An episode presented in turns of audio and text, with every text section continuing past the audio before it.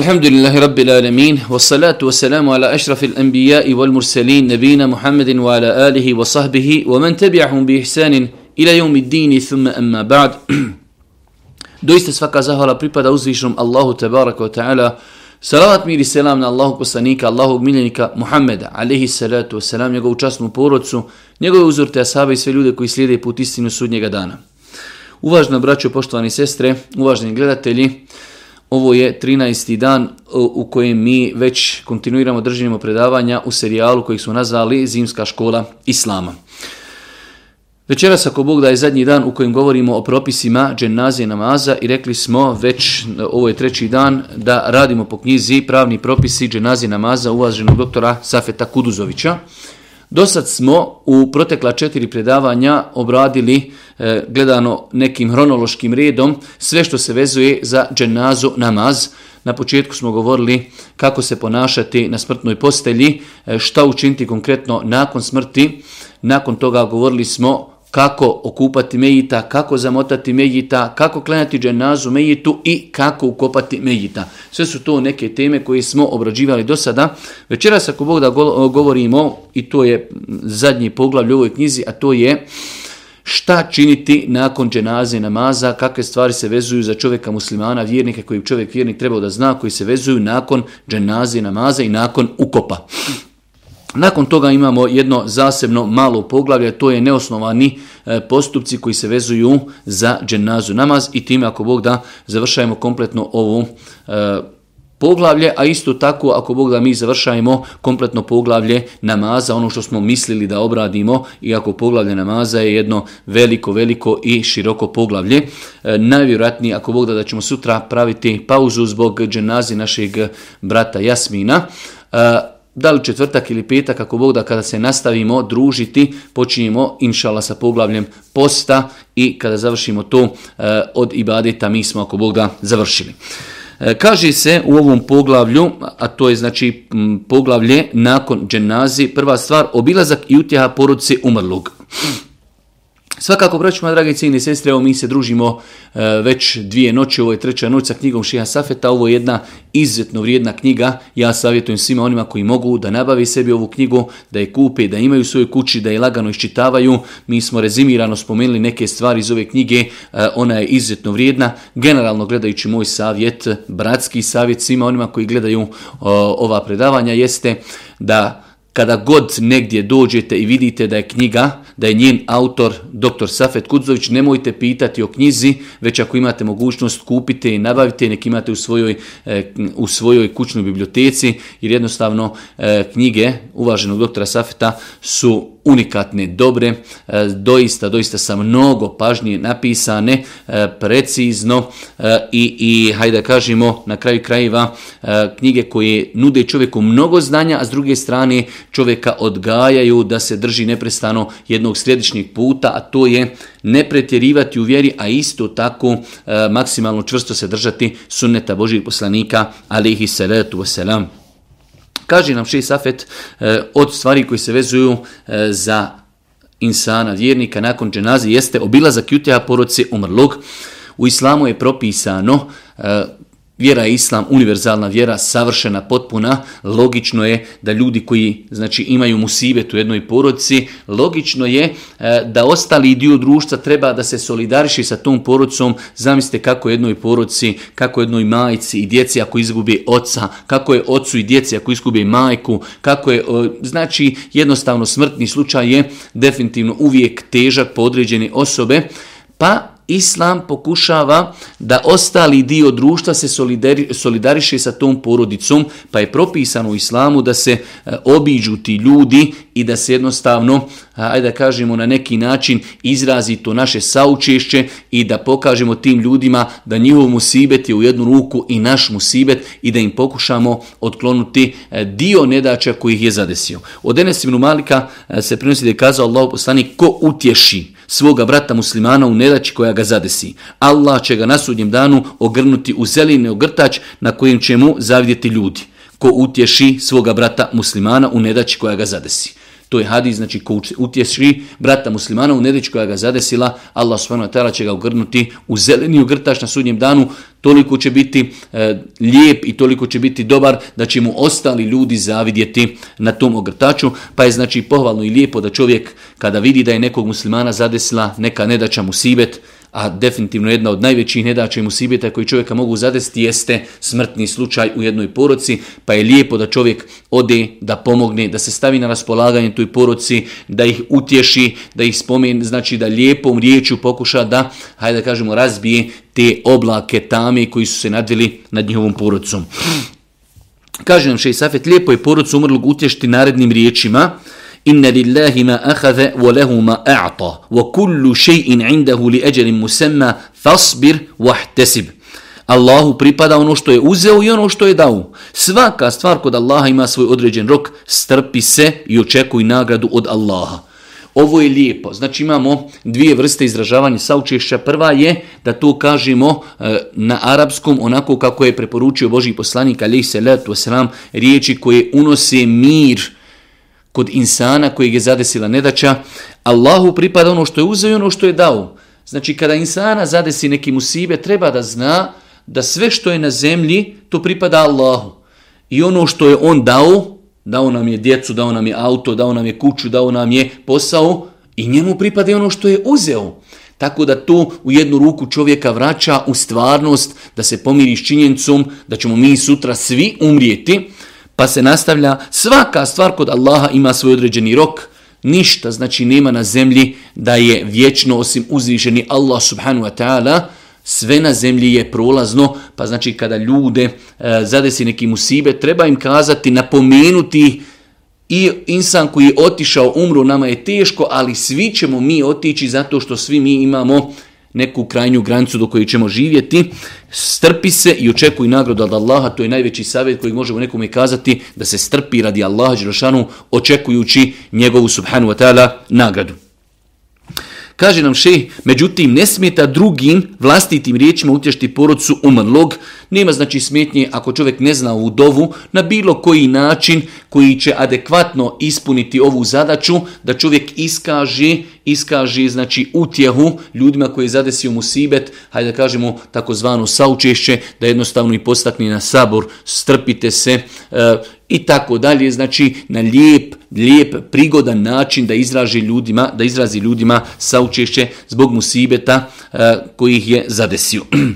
Kaže nam še na kraju, bitno je naglasiti da je strogo zabranjeno u ovakvoj nedaći, a i općenito u drugim nedaći, ružno govoriti uzvišnom Allahu, jer on ima puno pravo da uzme koga hoće, gdje hoće i kada hoće, a robovi trebaju biti zadovoljni odredbom svoga gospodara. Znači, bez obzira što mi nekada e, u datom momentu mislimo da je neko umro mlad, a neko e, i tako dalje, u svakom slučaju Allah Želšanu i stvoritelj zemlje i nebesa, sveznajući, on najbolje zna kada je neko trebao napustiti Dunjaluk, a zašto je neko drugi ostao na Dunjalku, pa čovjek treba da strpljivo podnese kader, e, ono što ga je zadesilo sudbinu i da očekuje nagradu duzičnog Allah Druga stvar, Šej Safet nam kaže priprema hrani za porodicu, za porodicu umrlog, od stvari koji su lijepe i pohvalne, nažalost, nažalost, nažalost, e, kod nas i tekako zapostavljene, to je da ljudi, društvo se solidariši sa porodcom, da porodca ne mora u tim momentima razmišljati, kao što kod nas svi mi znamo kako je problem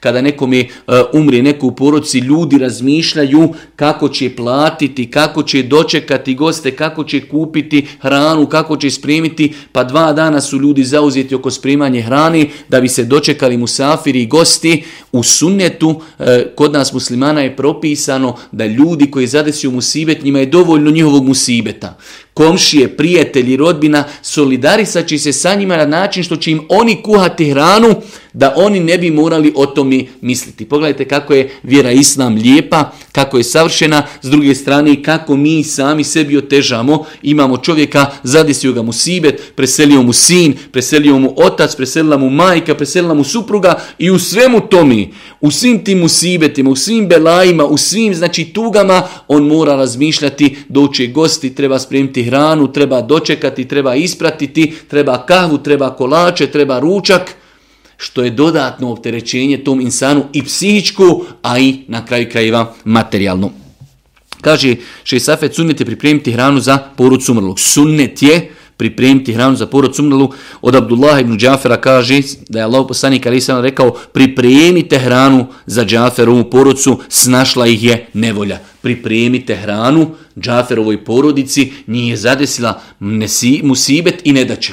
Oni znači imaju nešto drugo što, što je okupiralo, ajde da kažemo, i njihovu psihu i njihovo stanje. Nemoj da se oni sada brinu o hrani.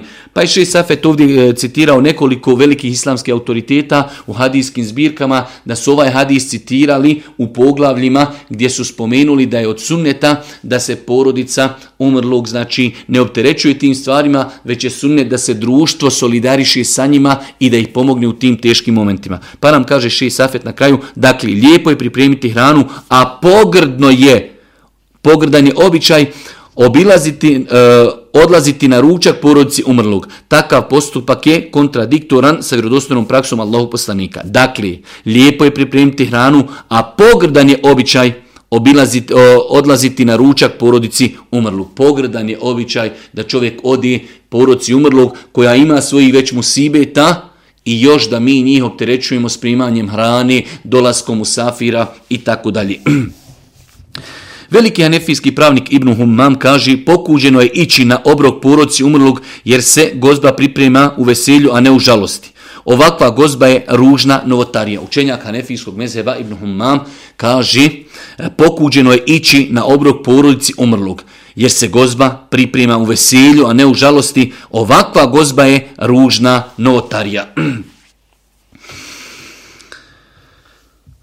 Kaže Ibnu Abidin, također poznati učenjak Hanefijske pravne škole, to je dobročinstvo i poštovanje prema poruci umrlog. Znači da im se spremi hrana, to je dobročinstvo i poštovanje poruci umrlog.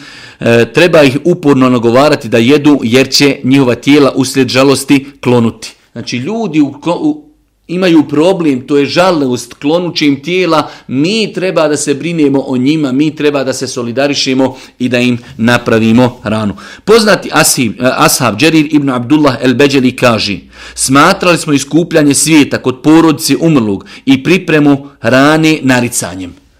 On je, mi znamo da postoji vjerodostojna hadis da Allah poslanik strogo zabranju naricanje. On kaže, mi smo, ashabi, smatrali da se ljudi okupi kod poruci koju je zadesio musibet, samo da se okupi i znači da im se servira hrana, mi smo to, kaže, smatrali novotarijom. Još jednom, smatrali smo iskupljanje svijeta kod porodice umoglug i, i pripremu hrani naricanjem. Oni su to smatrali da potpada pod mojam naricanja, a znamo da je Allah poslanik strogo zabranio naricanje, pa definiš, e, rezimiramo ovo pitanje od sunneta je da se solidarišimo sa porodcom e, koju je zadesio neki Sibet, da mi njima pripremimo hranu i da se e, dan, dva kod tih ljudi ne okupljamo, nakon toga ćemo otići izrasti saučešće, ali ne da dolazimo na obroke i da očekujemo da nam ponude hranu. Da li je dozvoljeno učenje Kur'ana na mezaru, e, treće poglavlje, odnosno treće pitanje koje i Safet obrađuje u ovom poglavlju, da li je dozvoljeno učenje Kur'ana na mezaru? Učenje Kur'ana je dijelo koji se, kojim se čovjek približava svome gospodaru. Prva rečenca, tačna rečenca jeste da je učenje Kur'ana dobro djelo putem kojih se insan približava svome gospodaru Allahu subhanu wa ta'ala. Znači generalno gledajući učenje Kur'ana je ibadet. Nakon toga nam šest Safet citira i kaže svako djelo kojim se želi nagrad od uzvišnog Allaha mora se ispuniti dva uvjeta. To je prvo da se čini sa iskrenom namjerom i drugo da se čini na način kako ga je praktikovao poslanik Ali Selam.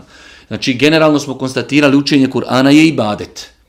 Svaki ibadet da bi bio primljen kod Allaha mora ispuniti dva uvjeta. Prvi uvjet je da to djelo bude iskreno radi Allaha i drugo da je u skladu sa praksom Allahu poslanika alaihi salatu wasalam. Svakako eh, ovdje postoji, eh, potreba se spomene, u islamu postoji E, dva velika univerzalna pravila. Svi naši postupci od momenta kada i jutra ustanemo, probudimo se, pa sve dok legnemo na u toku dana svi naši postupci se mogu podijeliti u dvije vrste. Imamo e, postupke koji su običajni, radimo ih ne iz ibadeta. Jednostavno neko odlazi na posao, neko se bavi sportom, neko piše, neko čita, neko studira, to su običaji imamo druge postupke u svom životu, a to su ibadeti, stvari koje radimo zato što želimo da se približimo uzvišom Allahu subhanahu wa ta'ala, kao što je namaz, kao što je post, kao što je sadaka, kao što je noćni namaz i tako dalje. Pa kažu islamski učenjaci, postavljaju dva velika pravila kada su u pitanju običaji. To je svakodnevni naši postupci kojima mi ne želimo ibadetiti Allahu subhanahu wa ta'ala, osnova je u tim postupcima dozvola. Što znači? Neko može nositi plavo, neko može nositi crno, neko može nositi smeđe, neko može biti doktor, neko može biti inženjer, neko može biti sportista, neko može biti avijatičar, neko može voziti auto. Znači jednostavno u privatnim našim poslovima mimo ibadeta Islam nam je ostavio dozvolu. Osim poneka stvar koja je Islamom definisana da je zabranjena, ali osnova je da nam je sve dopušteno, ali alkohol nam je zabranjen blud nam je zabranjen i tako dalje. Znači imamo nekoliko malih stvari koje su zabranjene, ali osnova da možemo činiti šta hoćemo. Kada su u pitanju i ta druga vrsta naših postupaka u životu, drugačija je situacija. U ibadetima osnova je ne možeš činiti ibadet osim ako za njega imaš dokaz. Osnova u ibadetima je zabrana. Što znači, ne može neko činiti nešto i kaže, e ovo je ibadet, osim ako za to postoji dokaz.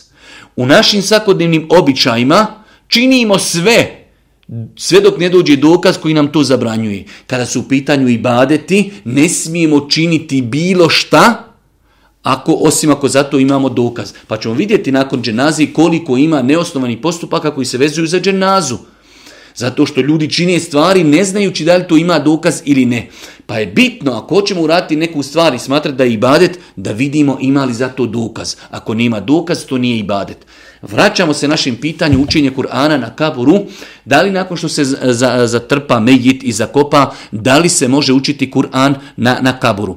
Pa nam kaže Ši Safet na početku, učenje Kur'ana generalno je ibadet. Ali učenje Kur'ana svaki put kada umri Mejit na kaburu nije bila praksa prvih generacija, niti bila praksa Božih poslanika, niti ashaba, a oni su definitivno najbolje generacije e, znači u islamu i ako oni nešto nisu prakticirali, onda to sigurno nije islam, niti je to ibadet. Kaže nam Ši Safet, ako se razmisli o drugom uvjetu. Misli se da treba uvjet da bude, znači da bilo primljeno djelo, da se čini e, shodno praksi Božijeg poslanika. Zapazit će se da je zabranjeno činiti nešto od obredoslovlja, osim ako postoji vjerski validan dokaz za činjenje dotičnog djela. U protivnom, ljudi bi po vlastitim željama izmišljali e, i badete i udaljavali se od izvornog islama. Što se tiče učenja Kur'ana na mezarima, u sunnetu se navodi nekoliko hadisa koji kazuju na legitimnost tog postupka. Međutim, svi ovi hadisi su ništavni i ne vrijedi kao dokaz. Allahu ekber, kako je govor šeha Safeta precizan. Da se ne bi desilo nekome da sutra dođe i nekome i kaže zabranjeno je i nije ispravno ušti Kur'an na mezaru i onda neko dođe i citira neku predaju koja nije potvrđena. Pa nam šeha Safet ovdje kaže što se tiče učenja Kur'ana na mezarima, u sunnetu se navodi nekoliko hadisa koji ukazuju na legitimnost tog postupka. Međutim, svi ovi hadisi su ništavni i ne vrijede kao dokazi. Znači imaju dokazi, ali nisu validni. U islamu da bi radili određeno djelo nije potrebno samo imati dokaz. Nekada je dokaz apokrifan. Moramo imati ispravan, vjerodostojan dokaz. Nakon toga šest Safet Allah ga nagradio Spomenuo je nekoliko e, predaja na koje se pozivaju ljudi koji smatraju da je dozvoljeno učiti Kur'an na kaburovima. Nakon toga e, kaže Šisafet, vidimo da su svi hadisi koji govore o učenju Kur'ana na kaburu lažni ili potpuno ništavi. A predaje koje se pripisuju asadima nisu vjerodostojne. Znači prva stvar, hadisi Božih poslanika ili su apokrifni koji govori o tome ili su ništavni. A praksa ashaba i tabiina nije potvrđena da su to oni prakticirali i radili. Zato kaže Šeji Safet, odgovorno tvrdimo da učenje Kur'ana na kaburu nije bio običaj prvih najboljih generacija. Njihova praksa je prenesena u brojnim zbirkama. Kaže Šej Safet, znači odgovorno tvrdimo da nije bila praksa prvih generacija da su učili Kur'an na kaburoma. Zamislite koliko je ljudi ashaba, koliko tabiina, da je to bila njihova praksa, to bi bilo zabilježeno Zakopali smo tog i tog, pa smo sjedili učili Kur'an. Zakopali smo tog tog, pa smo učili Kur'an. Pa nam šest safet ovdje navodi neka najbitnija dijela u kojima su zabilježene prakse ljudi iz prvih generacija. Pa kaže šest safet, njihova praksa je prenesena u brojnim zbirkama. Kao El Musannef od Ibnu Ebi Šejbi, El Musannef od Abdurrezaqa, El Eusat od Ibnu Munzira, El Sunen El Kubra od Bejhekija, El Muhalla od Ibnu Hazma, Kaže Safet, međutim, nigdje se ne navodi, osim dvije citirane predaje, da su učili Kur'an mrtvina na kaburovima. Kur'an je objavljen i uputa samo živima, a nakon smrti prestaje pisanje dobrih dijela, osim onoga što je potvrđeno eh, eh, vjerski validnim argumentima. Sve što nisu praktikovali asabi tabinin ne smatra se vjerom bez obzira što to ljudi smatraju lijepim. Ibn Kajim je kazao nije bio poslanik Alisel, nije bio poslanikov običaj učiti Kur'an na kaburu, to je ružna novotarija. Znači nije bio običaj Božijeg poslanika, niti praksa njegovih Asaba, niti tabiina, da su nakon ukopa učili Kur'an na Kaboru, vidjet ćemo u vjerodostojnim hadisma je zabilježeno da je Boži poslanik kada bi završio sa ukopom rekao ljudima, ljudi dovite svi pojedinačno svako za sebe, za Megita, on se sada ispituje. Molite Allah da ga učrsti u tim teškim momentima. To je ono što je zabilježeno u vjerodostojnim od Božih poslanika nakon što se čovjek e, znači zakopa, ne postoji nikakav znači e, telqin, ne postoji nikakvo učenje Kur'ana, postoji samo da svako pojedinačno podigne ruke i da moli uzvišnog Allah subhanahu wa ta'ala da tog čovjeka u tom momentu učrsti, da mu oprosti grijehe, da ga uvede u džennet.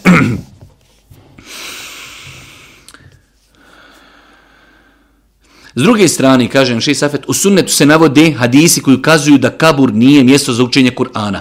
Od Ebu Hurire se prenosi da je poslanik rekao ne činite od svojih kuća mezarje. Ne činite od svojih kuća mezarje. Šeitan uistinu bježi od kuće u kojoj se uči sura El Bekara. Nemojte, kaže, od kuća činiti mezarje. Ha, a onda je to pojasnio, kaže, šeitan ne ulazi u kuću u kojoj se uči Bekara.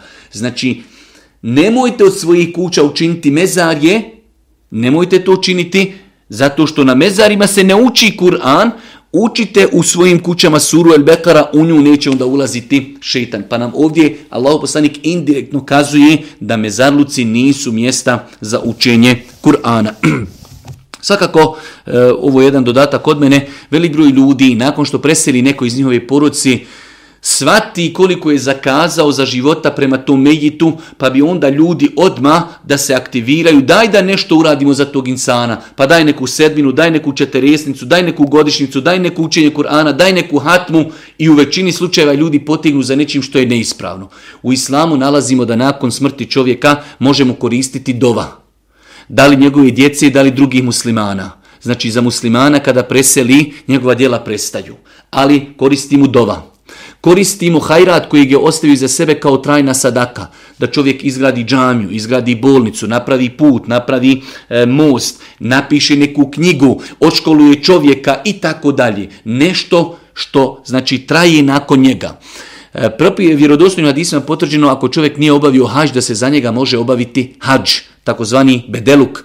Za čovjeka potvrđenog vjerodostojnim hadisma se može dati sadaka njegovo ime. Da dijete dadni 100 maraka, 100 eura, hiljadu manje ili više i kaže nagradu ovoga ja prepuštan svome babi ili svojoj majci ili svoj, svojoj djeci i tako dalje i to je potvrđeno šerijatom i na kraju postoji jako razilaženje da li se može proučiti nešto od Kur'ana bez novca, da ja kao e, dijete proučim svojoj majci, svome ocu ili nekome prijatelju, pa velik broj islamskih učenjaka od koji Ibnul Qayyim, Ibn Taymiye, Rahmetullahi Alihim, smatrali su da se može proučiti nešto od Kur'ana bez uzimanja nadoknade, ovo je veoma bitna klauzula, da neko znači dobrovoljno prouči kao dijete svome roditelju ili roditelj svome djetetu i da sevap toga mi zamolimo gospodara Allah Đelešanu, da sevap tog učenja Kur'ana poklonimo, poklonimo našem mejitu. To su stvari koje su potvrđene vjerodostojnim e, argumentima, iako e, učenje Kur'ana mejitu, makar bilo i bez novca, nije bila neka velika praksa prvih generacija, ali e, velik broj islamskih učenjaka je to dozvolio analogno određenim dijelima koja smo mi spomenuli da su potvrđena u islamu. Nakon toga, e, treća stvar koju Ši Safet spominje u ovom poglavlju jeste propis odanja između mezarja u mezarju u obući. Znači, pogledajte koliko je islam savršen i lijep da je islam definisao čak pitanje kako će čovjek hodati između kaburova. Pa je došlo u vjerodostojnim hadisma da je Allah poslanik ali se letu selam zabranio da ljudi kada hodaju između kaburova, o znači po mezarlucima, u mezarlucima između kaburova da skinu obuću. Generalno znači muslimanima je zabranjeno, poslije će o tome šeh govoriti, hodati po kaburovima. Ali kada hodamo između kaburova, propisano je od sunneta i lijepo za onoga ko neće hodati po trnju, ko nije, znači, ako nije kiša, ako nije snijeg, ako znači nema problema, ako je normalna situacija, da čovjek skine obuću i da bos hoda iz respekta prema mejitima, iz respekta prema mezaristanu u kojem se nalazi. Kaže Šisafet, obaveza je svih vjernika da lijepo postupaju sa mrtvim muslimanima i da čuvaju njihovo nepovredivost. Jedan od načina kojim se iskazuje poštovanje prema mrtvim muslimanima jeste izuvanje obuće prilikom hodanja kroz mezarje. Bešir ibn Hasije kaže da je Allah poslanik vidio čovjeka koji hoda kroz mezarju u papućama, pa mu je rekao, teško ti se, izuj svoje papuće. I to je ponovio dva i tri puta kada je čuo ovaj ukor od poslanika, ovaj čovjek je izuo svoje papuće i bacio ih. Znači, e, ispravno je i tačno je da ako se može prakticirati ovaj sunet, ako nema problema, znači ajde da ih nazovemo tehničke prirodi, e, nekada jednostavno u našim podnebljima e, zimus je hladno, ne može čovjek odati, e, znači kroz mezar je boz zato što hladno je, nekada pada kiša, nekada ne održavamo te naše mezarluke, pa možda je trnovito i tako dalje. Pa ako, ako nam neće predstavljati poteškoću, lijepo je prakticirati ovaj sunnet.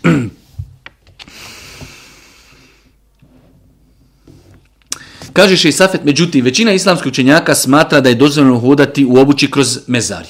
Većina učenjaka smatra da ovaj hadis, znači, e, ima, e, ima drugi hadisi koji su mu oprečni. Pa su spomenuli e, hadis da je Allah kazao kada Mejita spuste u kabur, on čuje klepit papuća oni koji odlaze nakon ukopa.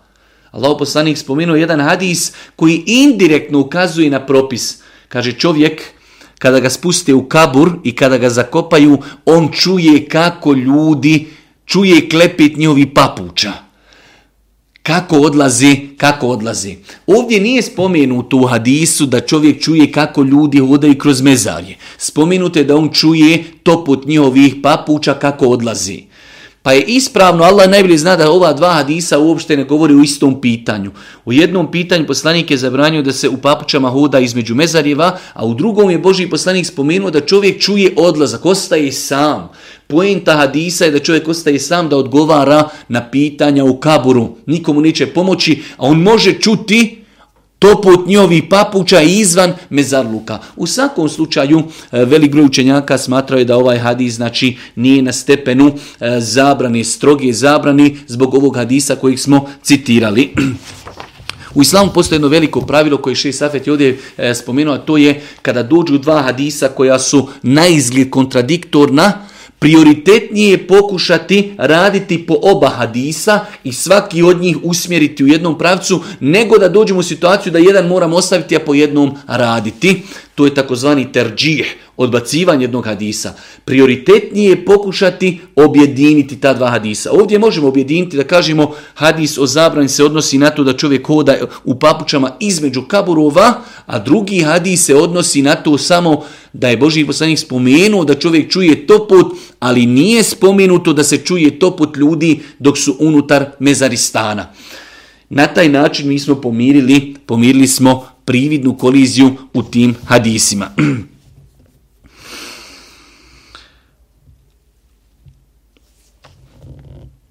Kaže Ši Safet na kraju, dakle nije ispravno hodati u obući kroz mezarje, već treba skinuti obuću iz poštovanja prema mrtvim muslimanima. Međutim, ako su u jednom mezarju izgrađeni posebni putevi ili staze za pješake, koji su malo udaljeni od mezara, nema smetnje hodati u obući, jer se ne, može, jer se ne smatra kročenjem kroz same mezare. Također, ako postoji razlog koji znatno otežava hodanje bez obuće kao što je snije, kiša, blato, trnje, nema smetnje hodati kroz mezare u obući, Allah najbolje zna. Znači generalno lijepo je da znamo da postoji propis, da je Islam toliko savršen i lijep, da poziva na respekt i poštovanje mezarluka, mezarluka i ljudi koji su kopan do te mjeri da se između mezarluka ne hoda u papućama. Ako mi budemo prinuđeni, ako imamo određene faktore koji nam sprečavaju rad po tom hadisu, definitivno da nema smetnje ako Bog da hodati i u obući, u papućama i u cipelama e, između kaburova, ako zato postoji neka prepreka kao što je hladnoća, snijeg,